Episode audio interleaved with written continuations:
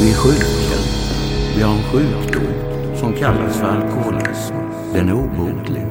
Vi blir aldrig av med den. Men den är behandlingsbar. Och den viktigaste behandlingen den klarar vi av själva.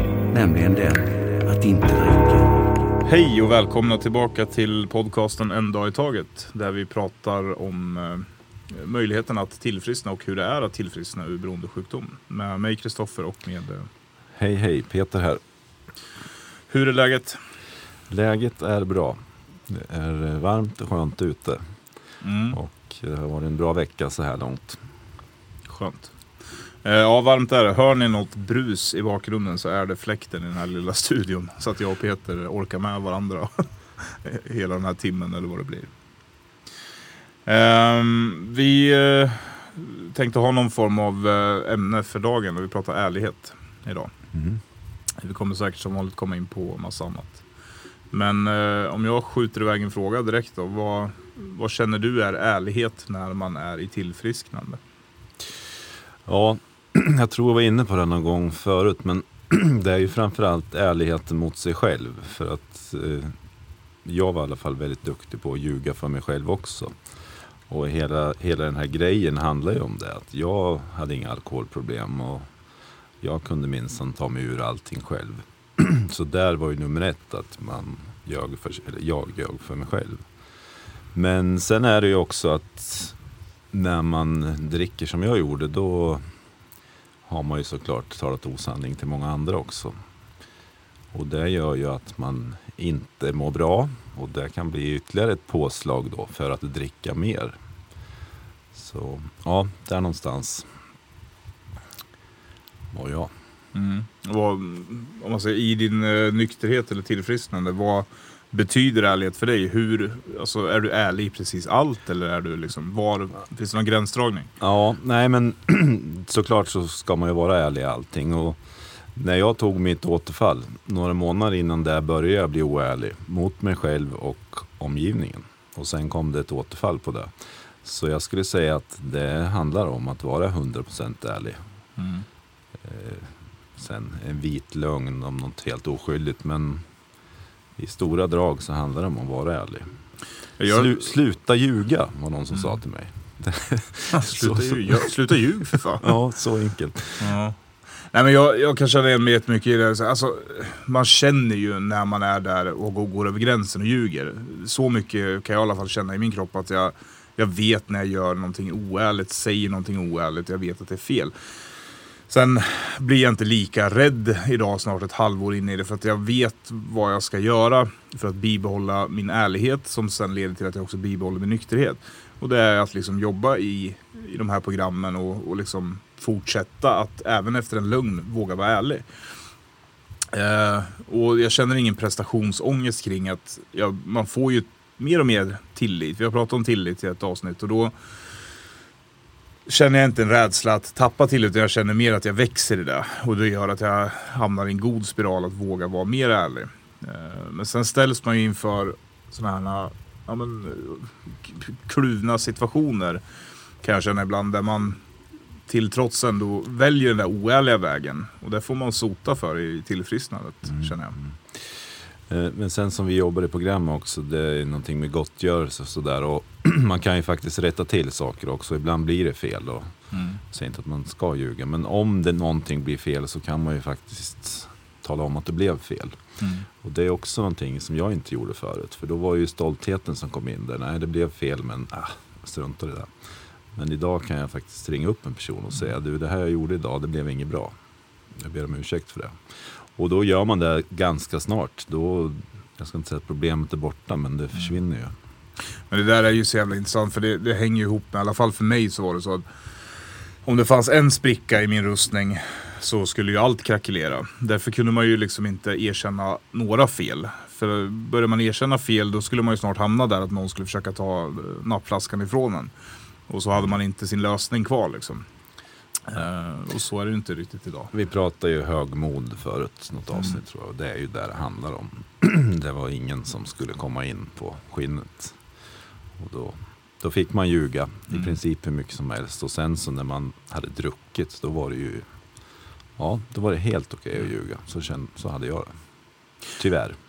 Ja men så är det. Och det är, just den här oärligheten gör ju också att för de som är medberoende och i alla de relationer man lever i så man har ju lärt sig att lösningen, alltså ta till drogerna eller alkoholen, gör ju att man slipper hantera känslorna av att man har på bekostnad av en annan människas eh, självförtroende, självkänsla och existens så har man liksom lastat över och varit oärlig och säg att man har varit otrogen till exempel. Då har man ju kunnat vänt emot att den här personen, liksom, det var ju nästan dens fel. Eller, ja, man, man slingrar sig ur alla situationer och skulle hamna på att ja, men, det var aldrig mitt fel. Och sen tog man då till lösningen för att inte behöva hantera känslorna efteråt. Liksom. Ja, vi har ju pratat om det också, manipulation. Det blev man ju Mm. världsmästare på. att kunna säga rätt saker fast det var inte sanningen. Liksom. Mm. Det, ja, det är mycket sådana saker som jag har gjort. Men ehm, i de här programmen så lär man sig hantera det och sen gör man ju en jätteinventering av vad har jag gjort i mitt liv? Hur många har jag sårat? Hur många har jag ställt till det för? Och sen så pratar man med dem och det är det vi kallar för gottgörelser. Mm. Det är ju lite att nollställa. Sen är det såklart att alla är, accepterar inte det här. Det finns de som aldrig kommer förlåta oss. Men Mm. det, är- det är en god start i alla fall om man har gjort det för sig själv då. Mm. Men sen, eh, det är inte för att liksom sitta och tipsa eller så här, men för mig var alltså så här, det- du pratar om just ärligheten mot sig själv. Den är ju så jävla viktig på, av den anledningen att du, och du ska ju inte vara en egen rådgivare, det är ju livsfarligt för oss som är liksom beroendesjuka. Men eh, ibland så måste du ju någonstans börja också kunna stå på egna ben och få en egen moralisk kompass och ge, känna själv när det är rätt och fel. Och jag har haft två sådana här viktiga tillfällen där jag liksom kan sätta fingret på när jag har ljugit för mig själv. Och det ena var ju det här som jag har berättat om tidigare med den alkoholfria ölen. Där jag direkt började försvara den, precis på samma sätt som jag alltid har försvarat alkohol eller någonting annat. Och, och skulle liksom ha bara alla runt omkring mig till att, eller jag samlade en skara som skulle bekräfta det här liksom, att eh, det jag sa var rätt. Eh, sen fick jag ju en sån här dräparfråga av en person eh, som sa så här, men okej, ja men det är, det är olika för alla liksom det här med al alkoholfri öl, men, men eh, har du liksom, har du tänkt på det här innan i, i någon form? Och jag bara nej, svarade så här instinktivt, nej, det har jag absolut inte gjort. Och där, när jag, precis när jag sa det ordet nej, så insåg jag att nu ljuger jag. Eh, och sen kom ju den här sköna känslan när jag kapitulerade inför det och insåg att shit, jag är inne på en farlig bana. Eh, jag har ett exempel till sen, men det känns som du hade någonting däremellan. Ja. Nej men där är ju det där som jag nämnde för. Det är ju med återfallen där och som sagt det kanske inte var så mycket lögn det där. Men hade du börjat snubbla vidare på den där lögnen så kanske du hade fallit där. Och Mm. Det gäller att rensa det där och nu gjorde ju du det i det här Mm. fallet. Och det kan ju tyckas som en skitsak egentligen, dricka Mm. alkoholfri öl eller inte men det kanske var viktigt. Att Mm. Ja men det var det. Och, om man då ska ta ett mer allvarligt som var här nu för, eh, vad blir det, tre, fyra veckor sedan då när jag opererades och fick de här morfintabletterna. Enligt, och det, det var så här, det var en kort period där jag var tvungen att liksom sortera ut det här i mitt huvud. Eh, för att dels skilja på då, okej, där fick jag verkligen tänka till kring vad beroende handlar om. Det är inte vad som är i flaskan eller vad som är på spegeln eller vad du nu suger i dig. Utan det är ju, för mig är det två delar. Det är så här, substansen det är lösningen för att inte hantera känslor. Och sen har vi en känslomässig sjukdom. Och när jag gick igenom det här och så valde jag ju när jag kom hem, valde jag av egen, inte av egen kraft, men jag, jag valde i alla fall att säga nej, jag tar till mina, det jag har lärt mig den här perioden för att inte ta mera morfintabletter.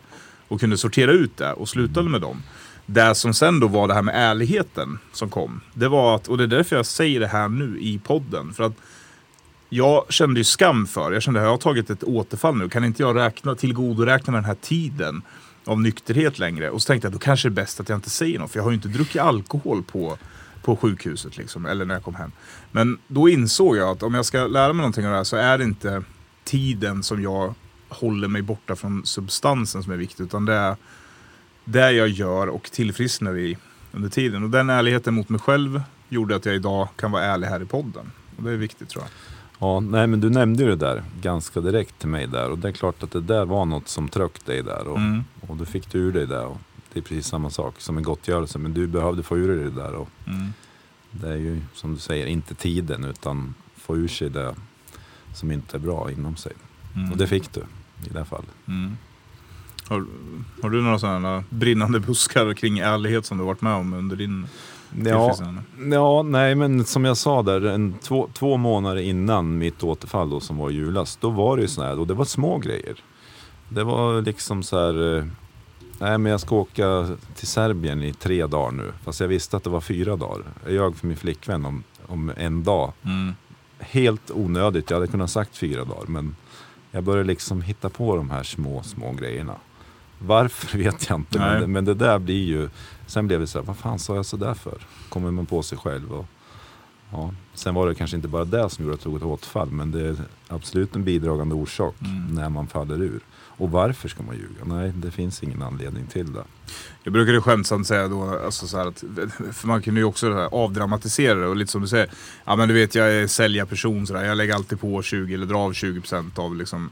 Och, men det är just det där, alltså jag kan också ibland fråga sig, varför kan jag aldrig bara säga så här att ja men eh, det är 100. Utan det var alltid, det är 120. Eller om det var åt andra hållet, ja det är 80.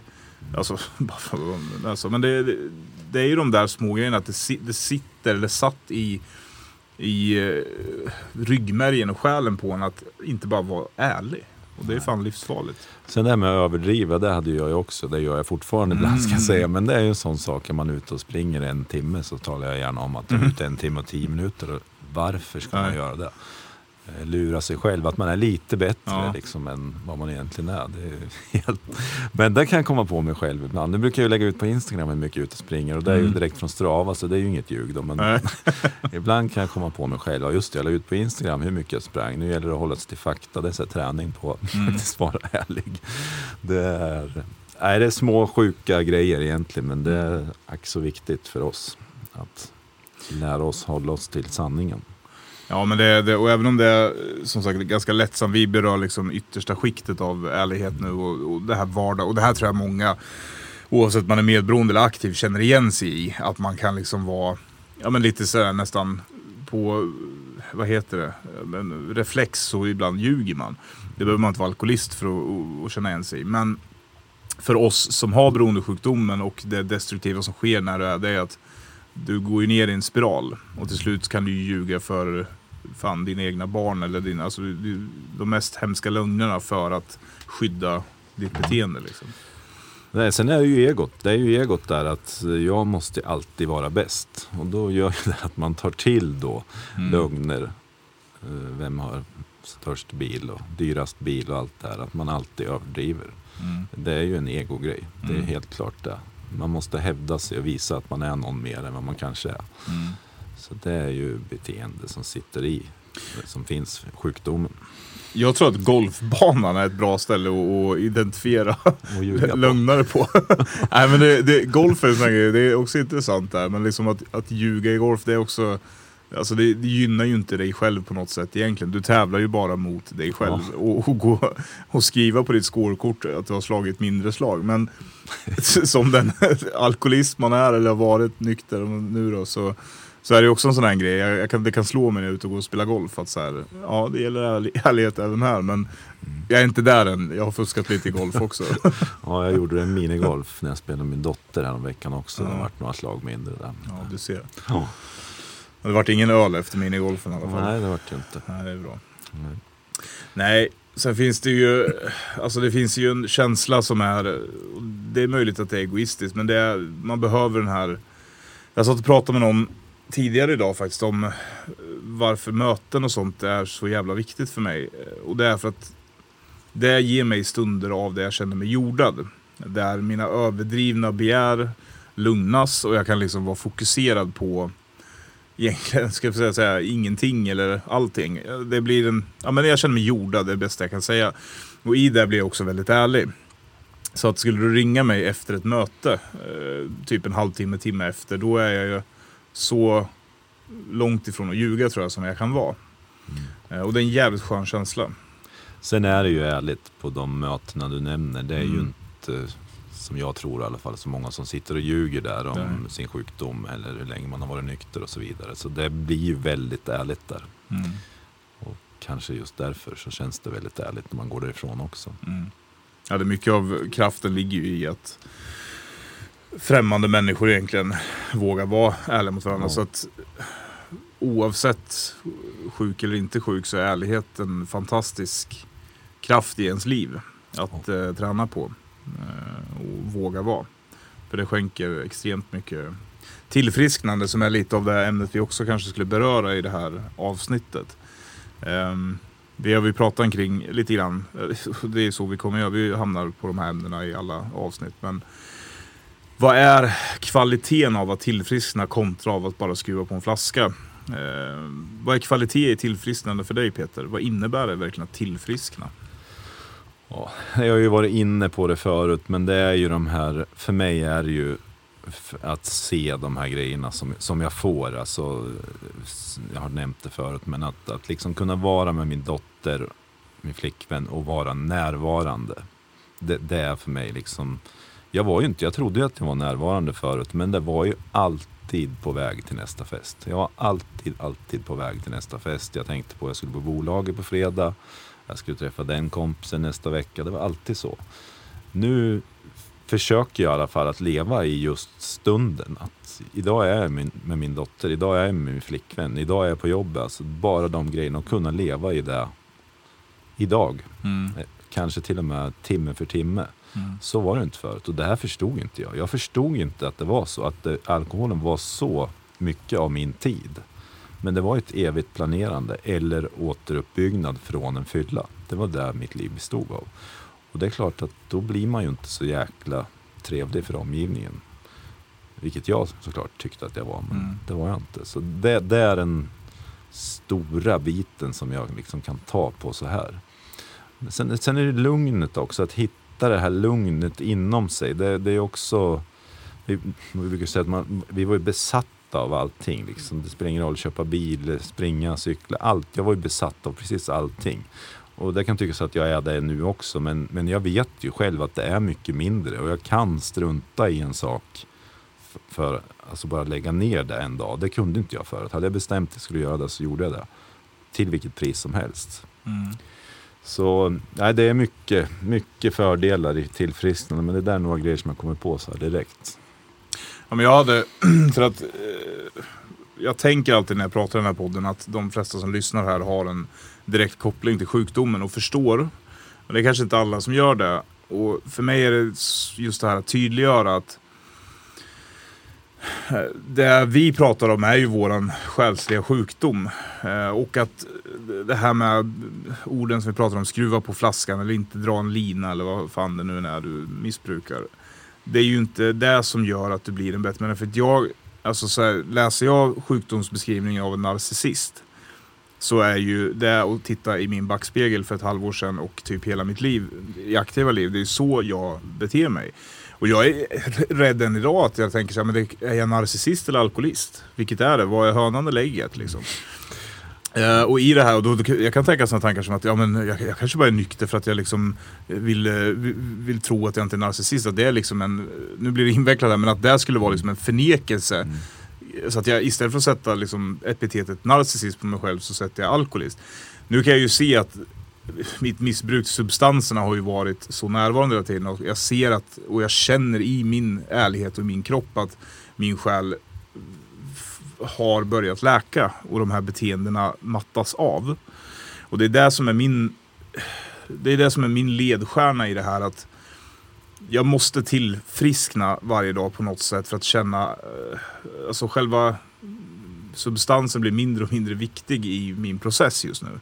Ja, det är rörigt, det jag försöker liksom komma fram till. Men för mig är det liksom det värdefulla i att tillfriskna.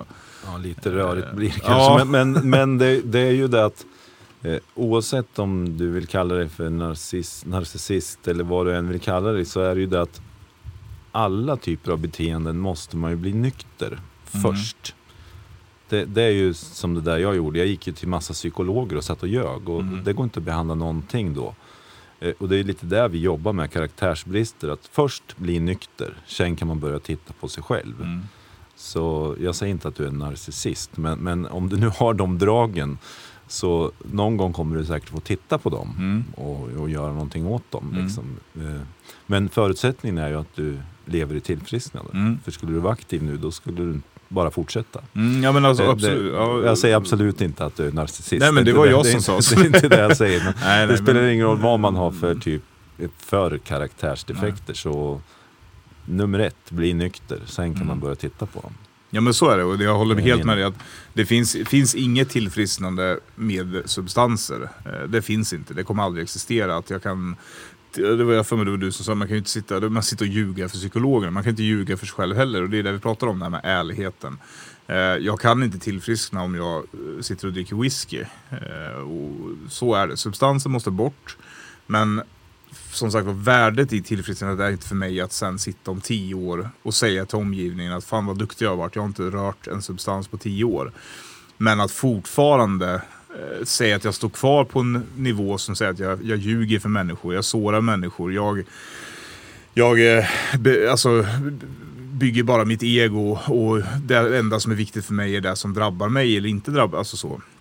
Och det är det jag menar med att tillfrisknandet för mig handlar om att eh, nå dit där jag verkligen börjar göra gottgörelse eh, och, och inte liksom känna den rädslan för det. Att också lasta ur det här bagaget och ta de här stegen. Eh, mm, Och sen erkännandet, där, det är ju nummer ett. Liksom. Och det har ju Mm. vi gjort. Och då är man ju långt gånget när man faktiskt kan säga det till sig själv. Jag klarar inte av alkohol eller vad Mm. det nu är. Jag, jag fixar inte det. Och det är ju, det är ju steg ett att liksom komma dit. mm, Sen finns det mycket att jobba på resten av livet. Men det är nummer ett. I tillfrisknande, vi har inte berört det här så mycket. Men idag känner jag faktiskt för att eh, nämna det. Och det, det har det här med som du säger att man ska komma till den här insikten att eh, alkohol, droger, you name it. Det, jag är maktlös inför det. Eh, jag kan inte liksom sluta dricka. Den, den känslan har jag haft så många gånger. Den här känslan av maktlöshet. Att hur mycket jag än vill så har jag inte kunnat uppbåda kraften inom mig själv att sluta dricka. Jag kanske har slutat för dagen, veckan, månaden. Men det har alltid kommit tillbaka. Och för mig så är det så här att då att faktiskt släppa in en känsla och en, en tro på att det finns en kraft större än mig själv. Ehm, och det här kan ju få folk att rygga tillbaka och tro att man har blivit liksom nyfrälst och eh, troende eller så. Och det är inte det det handlar om för mig. Men jag försöker förklara för utomstående som inte lider av sjukdom eller är medberoende. Så har jag lagt fram det så här att om, om jag inte kan tro på att det finns en kraft som är starkare än mig själv, som har hjälpt mig att bli nykter. Då tror ju inte jag heller på att det finns en sjukdom som heter beroende eller alkoholism. För att det för mig, om jag ska använda min logiska hjärna, så är det så här. Om jag har kämpat sedan jag var 12 år med min missbrukssjukdom, alltså det här dysfunktionella beteendet, och aldrig lyckats sluta. Men när viljan fanns hos mig på riktigt, när den var ärlig, så lyckades jag från en dag till en andra och sluta dricka och börja tillfriskna. Om jag, alltså, om jag bara kunde göra det av egen kraft från ena dagen till andra, då har jag svårt att tro att det finns en sjukdom som heter alkoholism. Och jag tror att det finns en sjukdom som heter alkoholism och därför så har jag också en stark övertygelse om att det finns en stark kraft som jag inte rår över, men som rår över mig.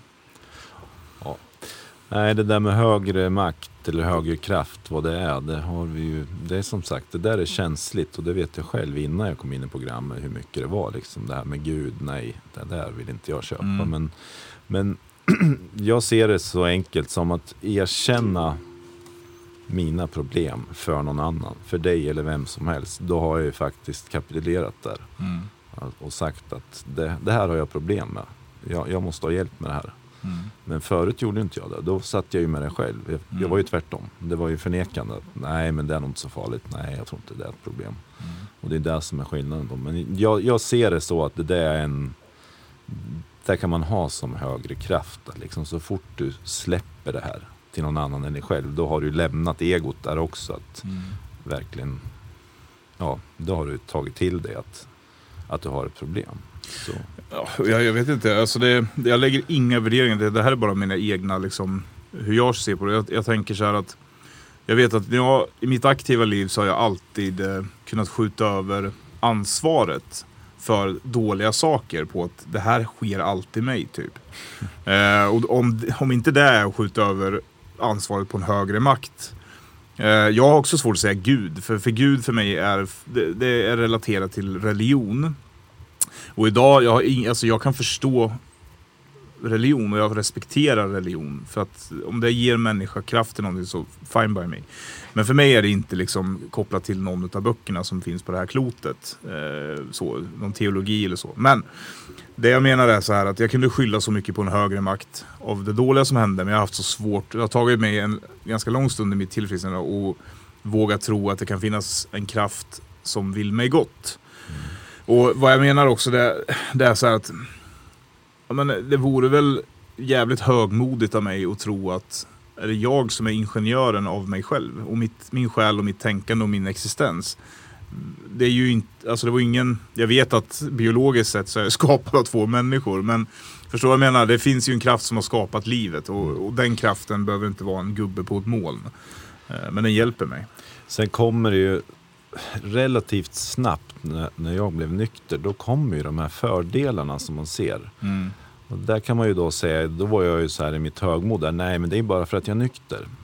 Ja, fast faktum är att jag börjar göra rätt saker. Jag börjar tänka på andra människor. Jag börjar bry mig om andra människor på ett ärligt och genuint sätt. Och då börjar det hända bra grejer. Men jag lurar mig själv lite där då i början att ja, men det är bara för jag är nykter. Jag är nykter nu så då går allt så bra. Men det är ju faktiskt något större än det. Försöker man vara en sund och god människa så blir man ju behandlad så också. Eh, och det, är ju, det finns ju något större än bara du och jag här. Det är ju så liksom. Det är inte bara våra föräldrar som har gjort oss hit. Utan det finns ju. Sen någonting, jag tror jag skrev det på Instagram någon gång att om jag ligger kvar i sängen och sover hela dagen så snurrar ju hela jorden och allting fungerar Mm. ändå. Det brukar vara en sån här tanke för mig som, ja just det. Ja, Nej Peter, allt är mörkt när du ligger kvar i sängen. Jag har inte berättat det för dig. Men, ja nej Ja. men det är också en sån där grej man kan Mm. tänka på. men det, det är ju en, eh, det är det här som är så för mig också intressant och eh, så fantastiskt motiverande att fortsätta jobba med själv. För att det är ju, precis som du säger, jag, jag kan vara väldigt filosofisk ibland i mitt eget lilla huvud. Och det är väl, ibland känns det som att hjulen aldrig slutar snurra. Liksom. Eh, Men eh, det här du säger om att, ja, men, att jorden snurrar på även om man ligger kvar i sängen. Vi, vi upplever ju våra liv ur vårt perspektiv från dagen vi slår upp våra ögon till antagligen den dag vi slår igen dem. Men att jobba på att kunna ta in att faktiskt så är det så här att jag sitter och tittar på dig Peter och du tittar på mig och vi upplever den här världen ur våra egna perspektiv. Men att börja känslomässigt kunna connecta med en annan människa. Det här kanske är vardagsmat för alla normala människor. Ja. Men för mig har det inte varit det i mitt liv. Att precis som du säger det här att mina känslor ska liksom eh, kopplas in med andra människor. Eh, och det är en fantastisk känsla när man vågar släppa ut en kontakt och så låta den connecta med någon. Eh, Ja, jag hade ju så, det var ju när jag drack. Då, det var ju då jag verkligen tyckte att jag fick connection med folk. Det var ju Mm. verkligen då. Sen eh, som sagt måndag, tisdag när jag var bakis, då var jag ju, jag strök mig ju längs väggarna. Hoppas Mm. ingen pratar med mig, det här blir bara jobbigt. Men där har jag ju hittat mycket nu alltså när man är nykter och liksom träffar folk och man blir glad av att träffa någon. Man tycker det är kul att gå och fika med någon. Mm. Fika förut, det var ju liksom, varför ska vi fika? Kan vi inte gå ut och supa Mm. istället? Liksom det, kunde inte förstå hur folk kunde Nej. gå. Tjejer går och fika tyckte Mm. jag. Liksom. Ja, Ja. ja, vad är det för något? Men jag fikar ju nästan varje dag nu med Mm. folk. Det är liksom, ja, det är ganska, ganska mysigt. Det hänger väl ihop med, men det är jättemysigt jag, jag håller med. Alltså, jag, just det här fika var intressant att du säger, för det, när, vi, när vi var kids, liksom, när man var, då var ju fika eh, skitkul. Eh, sen försvann ju värdet i det helt, för att det var ju, man träffade ju sin kärlek, alkohol och, och då var ju det som var fokuset helt och hållet. Eh, Men eh, ja, alltså bara de här sakerna som kommer tillbaka och blir värdefulla i mötet med människor och känslomässigt utbyte och sådär. Ja, men vad fan, det är klart man låter som ett jävla barn på nytt, men det är man ju också. För man upplever ju saker som man har tagit paus från, från eh, stort sett man var tonåring till nu liksom. Men ja, vi känslomässigt utbyte och man lär sig att träffa människor utan att ha flaskan i hand och så vidare. Men jag skulle vilja återkoppla ändå till det där som vi inte har berört men vi gjorde i det här avsnittet än så länge. Och det är just det där med den högre makten och sådär. För oss alkoholister så i gemenskap och sådär, det, det är ju den mest tabulagda frågan oftast känner jag. Den har man svårast att, att prata om. Eh, och jag känner också så här att eh, om jag pratar med folk som inte är medberoende, eller som i alla fall står utanför det här om man säger, och är intresserade. Eh, och kanske undrar hur man har tagit sig åt. Eh, så inser jag att jag många gånger, nästan nio gånger av tio, så utelämnar jag detaljen om hur stor del det har med våra tillfrisknande att göra att faktiskt eh, förhålla sig till en högre makt. Mm. Ja, nej, högre makt är viktigt. Det var, det jag var inne på det förut också, men jag, då när jag var nykter första gången där, då var jag ju också, det var ju eh, jag lämnade det där utanför. Jag tyckte ju alltså, det, jag är så jävla bra på att vara nykter liksom. Mm. Ja, det här med Gud, högre makt, nej. Jag behöver nog inte knappt gå på möten, eh, hjälpa någon annan, nej. Det var så jävla enkelt. Och, så det var ju egentligen mitt, min, min sjuka min sjuka hjärna bytte ju bara ut liksom alkoholen mot att nu jävlar ska jag visa hela världen att jag kan vara nykter. Mm. Och det kanske hade gått en stund, men för mig, jag föll ju till slut i det där. Så. Men det är att lämna över det där liksom till, och, och jag umgås ju mycket med folk som har samma problematik nu. Det gör att man släpper ner den här garden på ett annat sätt. Och jag behöver inte bevisa något för någon. Jag har det här problemet och det här är jag. Mm. Sen liksom Eh, bra eller dåligt, det, det, är verkligheten. Och det är ganska skönt när man kommer dit. Och sen det här höga hästar, vi pratar, man får inte liksom... Nej, jag är världsmästare på att vara nykter. Ja, visst, men det, det är inte bara jag som är nykter här. Nej, men jag tycker också att det är så jävla starkt sammankopplat med ärligheten. För att i min aktiva i min sjukdom då så liksom hatade jag religion. Jag hatade folk, eller hatade, men jag, jag, jag liksom såg ner på folk som inte kunde se den bittra karga döden i vitögat och bara liksom förstå att livet var ändligt och alltså se det här på det här o, o, and, alltså, vad ska jag säga, själsligt torra sättet som jag gjorde. Eh, och därför så känner jag också så här, i ärligheten så är det ju, när det är en så stor bärande kraft i varför man också är nykter idag. Så varför väljer jag så ofta att inte vara ärlig kring den biten och också sudda ut tabuna kring det. Och det har ju med min egna rädslor och så att göra för att idag kan jag känna så här, folk som säger till exempel så här, oavsett om jag, jag är kristen till exempel, om de säger det så finns det ju oftast ingen skam hos den som säger det. Men det finns ju en fördom hos oss som tar emot det. Eller om du är muslim eller om du är buddhist. Skitsamma vilken religion det är. Men jag kan tycka att det är modigt idag att våga. För att idag, i alla fall i Sverige, i ett sekulärt samhälle och så, så får, får ju andlighet och tro och, och liksom den här kraften får ju väldigt lite, eh, ska man säga, jag kanske säger, men ur mitt perspektiv får, får det lite utrymme. Eh, och det är lätt att göra sig rolig över det. Eh, Medan jag, när jag själv har valt att liksom Eh, alltså, hän, alltså, lämna över till en högre kraft och ser att det bara finns massa kärlek och, och värme och fint ur det. Eh, på det sättet som jag upplever det. Så, ja, nu har jag rört till det men det... Ja, det nej men religion var du inne på där. Mm. Jag ska absolut inte skylla på mina föräldrar men religion, alltså när jag växte upp så var ju kyrkan, nej det var inte mycket kyrka och kristen eller vad man än är. Det, det var inte något som vi gjorde när jag växte upp. Mm. Och därav kanske man då fick det här, att man kom ifrån det där. Men nu i söndags var jag faktiskt i kyrkan med min dotter och en kompis. Och sitta i kyrkan och bara vara där och bara andas och lyssna på någon annan, det är mm. ganska fint. Och det hade jag absolut inte kunnat gjort för två år sedan. Då, då hade jag ju bara förkastat det. Mm. Och, nej, glöm det liksom. Och dessutom en söndag för då hade jag varit så jävla bakis och inte tagit mig dit. Mm. Liksom. Så det har förändrats med mig. Men sen är det ju klart, eh, krig och allt som finns och mm. sådär. Det, det, är lätt att ha fördomar över det.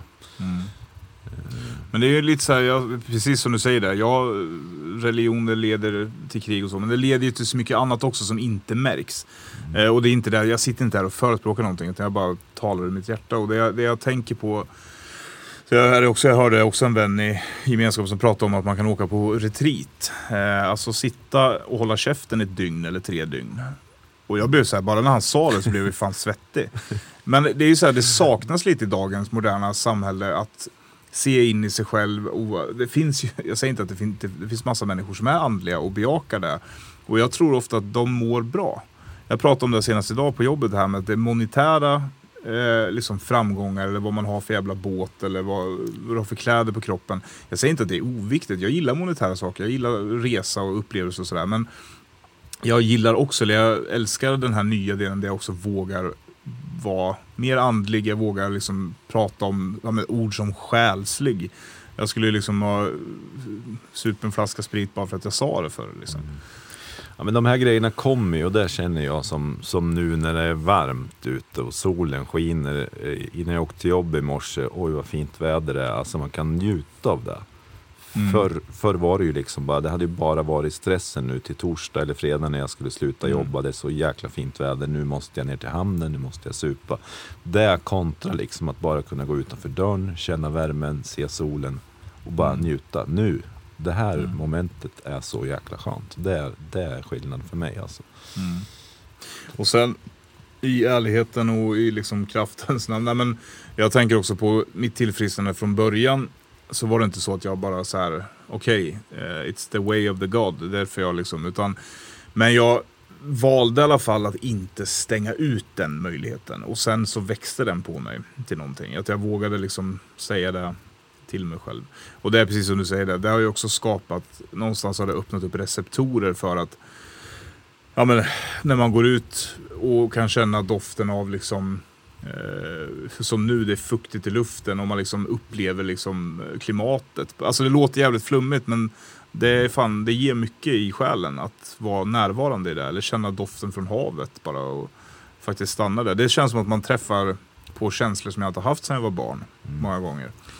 Det är väl lite det vi pratar om också. Det är, det är ju när man släpper ner garden, då kommer de här grejerna. Man har ju Mm. liksom levt med den där garden hela tiden och inte kunnat tagit till sig sådana saker. Det har varit så mycket andra mål i livet. Fest eller vad det nu ska vara, eller ekonomisk status eller vad det nu är. Mm. Så man har inte kunnat tagit till sig det där. Och sen, som vi pratar mycket, leva i nuet. Mm. Faktiskt den här sekunden, den här minuten, det är det som gäller. Mm. Vad vi ska göra imorgon, det är egentligen ointressant. Det är nu. Mm. Då kan man ta in de här sakerna. Och man kan även ge till andra människor som man sitter och pratar med eller vad man nu gör på ett Mm. annat sätt. När man inte är imorgon eller om en vecka framåt. Ja, för du nämnde ju det lite grann också som eh, blir ett, som vi alltid säger, ett annat avsnitt. Men, men eh, det här med just det här med att hjälpa andra. Jag har varit ödmjuk, känner jag i alla fall, eh, inför att jag är inte där än riktigt. Eh, där jag känner att jag är den som ska ge råd och tips här. Jag väljer att använda det här forumet mycket för att jag vill, jag beskrev det här för någon att det här avsnittet handlar om ärlighet. Och då sa jag att för mig handlar podden om ärlighet. För det handlar om att för mig sätta ut ett skyddsnät i att skulle jag hamna i min aktiva period igen. Eh, svårt att tro att någon lyssnar på den här podden och sen går på när jag försöker säga att jag inte är alkoholist. Ehm, så. Så, det, så det är en del i det liksom. Det finns ju en del i det här att hjälpa andra. Och det, jag har ju försökt och gjort det även innan mitt återfall och även nu efter. Och det, det är ju en dimension till i det, Mm. att hjälpa andra. Och den stora grejen är ju att man repeterar för sig själv. Vem är jag? När jag delar det med någon annan. Då blir det med automatik så. Så, ja. Ja, men jag det- sa ju till dig här innan, för att det är ju så här, vi, vi snackar hela tiden om det här att ja, men nå en balans även med det här med podden så att inte det liksom aktiverar sjuka delar i våra själar och liksom blir någon form av, eh, för att fylla någon form av tomhet i en och man ska få uppmärksamhet eller så. Utan det jag känner har varit så jävla värdefullt i det här är att jag bestämmer mig för att gå in och sätta mig framför den här mikrofonen och vara ärlig i varje avsnitt även om inte ämnet är ärligt. Eller om, ja, du förstår vad jag menar. Men det som är att hjälpa andra, det jag kan känna så här, om min avsikt kanske inte är medveten i att jag går in och sätter mig här och ska hjälpa någon annan inför avsnittet, så blir det så starkt och det verkligen berör mig när vi får kontakt med folk som har lyssnat på oss och som delar hur det berör dem. Då ser jag, fy fan, hur jävla viktigt det är att också sen bejaka det här med att hjälpa andra. Mm. Och sen sätter vi ju med den, här, med den här podden lite perspektiv på det även för sunda människor. För det har ju varit sunda människor som hört av sig till mig i alla fall. Som Mm. liksom tycker det är intressant att lyssna. Som inte heller kan förstå hur, hur det kan vara och att det här är en sjukdom. Så, så det är ju lite intressant också. Att det är intressant för folk att lyssna även om man Mm. har problem eller Mm. inte. Sen som vi har sagt innan, kan vi hjälpa en genom det här och bli nykter, ja fine, då har vi ju verkligen lyckats. Men Mm. det vet vi ju ingenting om. Men Nej, och det, det finns ju liksom delar i den, där programmen som vi går där som är väldigt inriktade på just att liksom hjälpa andra. Men som sagt var, det, alltså nu får liksom lite grann då, Gud, låt din, skilja, eller din vilja ske genom mig. Men vad jag menar är så här, jag har ju haft perioder i mitt liv när jag tänker jag har varit nykter en vecka och då är man ju liksom pastornykter och ska liksom... eh, Pastornykter. Mm, pastornykter, han har jag varit några gånger. Och, Samma här. Ja. Och där, det är, jag kommer säkert hamna i sådana skov även i min tillfrisknande nu. Men jag känner ändå så att det får bero. Det får bli vad det blir. Men bara jag är medveten om att jag, jag väljer att vara ärlig i det jag säger. Jag sa det i något avsnitt att det är den enda skölden jag har. Ja. Ärlighet. Ja Peter, vi har väl, det känns som att vi, vi känner av när vi är klara med ett ämne och vi har väl Ja. tömt ur det här lite grann för dagen. Mm. Kring ärlighet, tillfrisknande och hur det, eh, vad, det, vad det betyder för oss. Vi klarar inte mer nu för värmen. Nej, exakt. det var där jag, jag ljög. ja, det är för jävla varmt här inne. nu lägger vi på. Hörrni, eh, tusen tack för att ni lyssnade och eh, på återhörande. Tack så jättemycket. Hej då.